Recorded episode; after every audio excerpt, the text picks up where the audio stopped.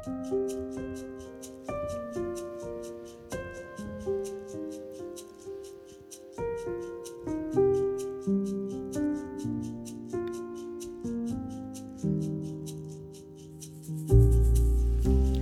snart to år siden ble vi kjent med et nytt ord korona. Og dette ordet leder til mange nye begreper som har blitt en del av dagligtalen. I disse koronatider, sa vi f.eks., slik vi sier når vi er midt oppe i noe midlertidig. Slik vi også kan si i disse sommertider, i disse juletider. Så er julen bak oss, og nå er vi i disse nyttårstider.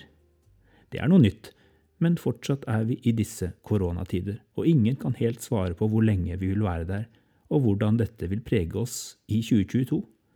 Derfor fant jeg tilbake til en tekst jeg skrev og en podkast jeg laget kort tid etter at koronatiden startet i mars for nærmere to år siden.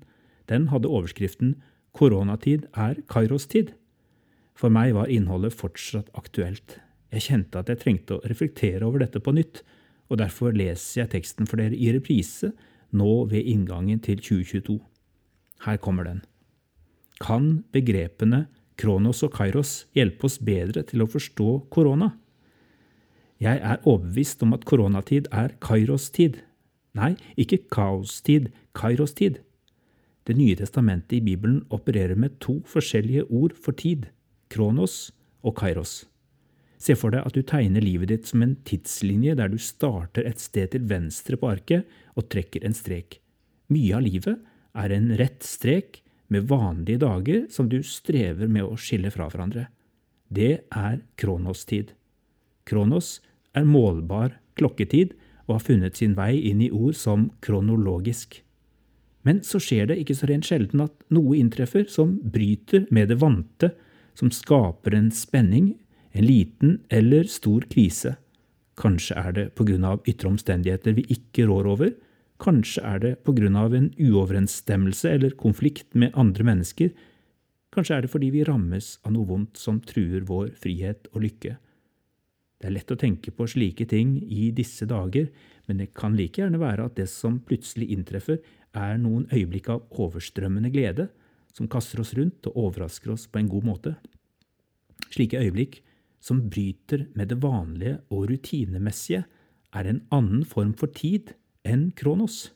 Det er kairos-tid, et fortettet øyeblikk, et slags tidsvindu, stort eller lite, fylt av mulighet, spenning og utfordring, både på godt og vondt. Der Kronos beskriver kvantitetstid, beskriver Kairos i større grad kvalitetstid. Jesus forkynner tidenes Kairos-øyeblikk idet han starter sin tjeneste i Markus 4 og roper ut Tiden er inne, Guds rike er kommet nær. Vend om og tro på evangeliet. Her er Kairos uttrykk for dette mulighetsvinduet av Guds rike tid som Jesus tilbyr.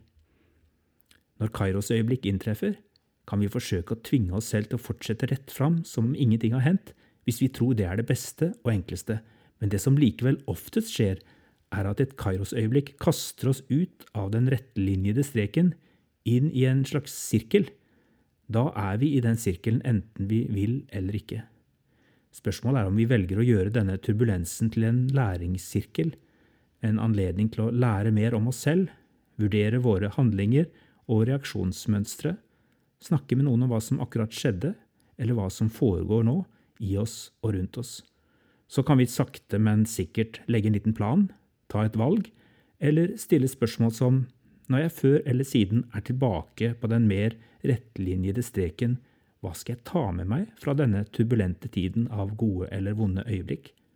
I hvilken grad ønsker jeg at dette skal forandre meg og prege meg videre? Hva skjer av seg selv, og hva må jeg legge til rette for, ta stilling til, gjøre aktive valg i forhold til? Hvem skal jeg spørre om å støtte meg i mine nye valg? Ved å reflektere over slike spørsmål gir du deg selv muligheten til å gjøre Kairos-turbulensen til en læringssirkel for vekst på veien videre langs den mer strake tidslinjen. Jeg er overbevist om at koronatid er Kairos-tid.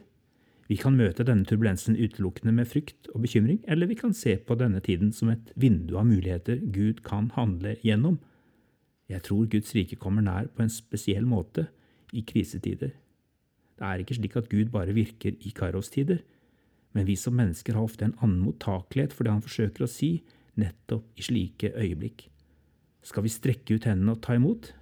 Kan vi våge å spørre oss hva vi nå kan gå inn i av ferdiglagte gjerninger, som kan lede til vekst og varig endring i våre liv og vår verden?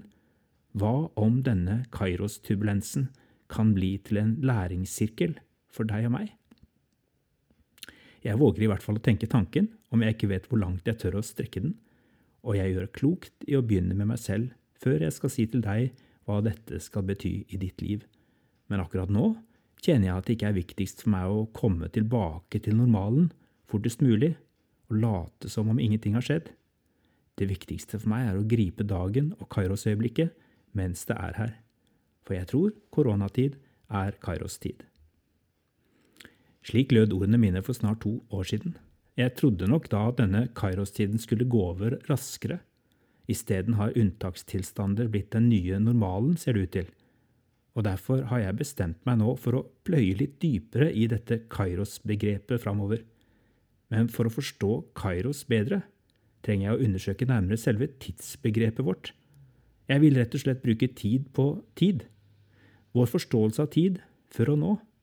Jeg vil samtale både med Bibelens tidsforståelse og moderne tidsforståelse, slik det kommer til uttrykk i ulike kulturer innenfor psykologien og i naturvitenskapen. Underveis kommer jeg også til å gå på jakt etter Kairos-øyeblikk i Bibelen og hos mennesker rundt meg i dag.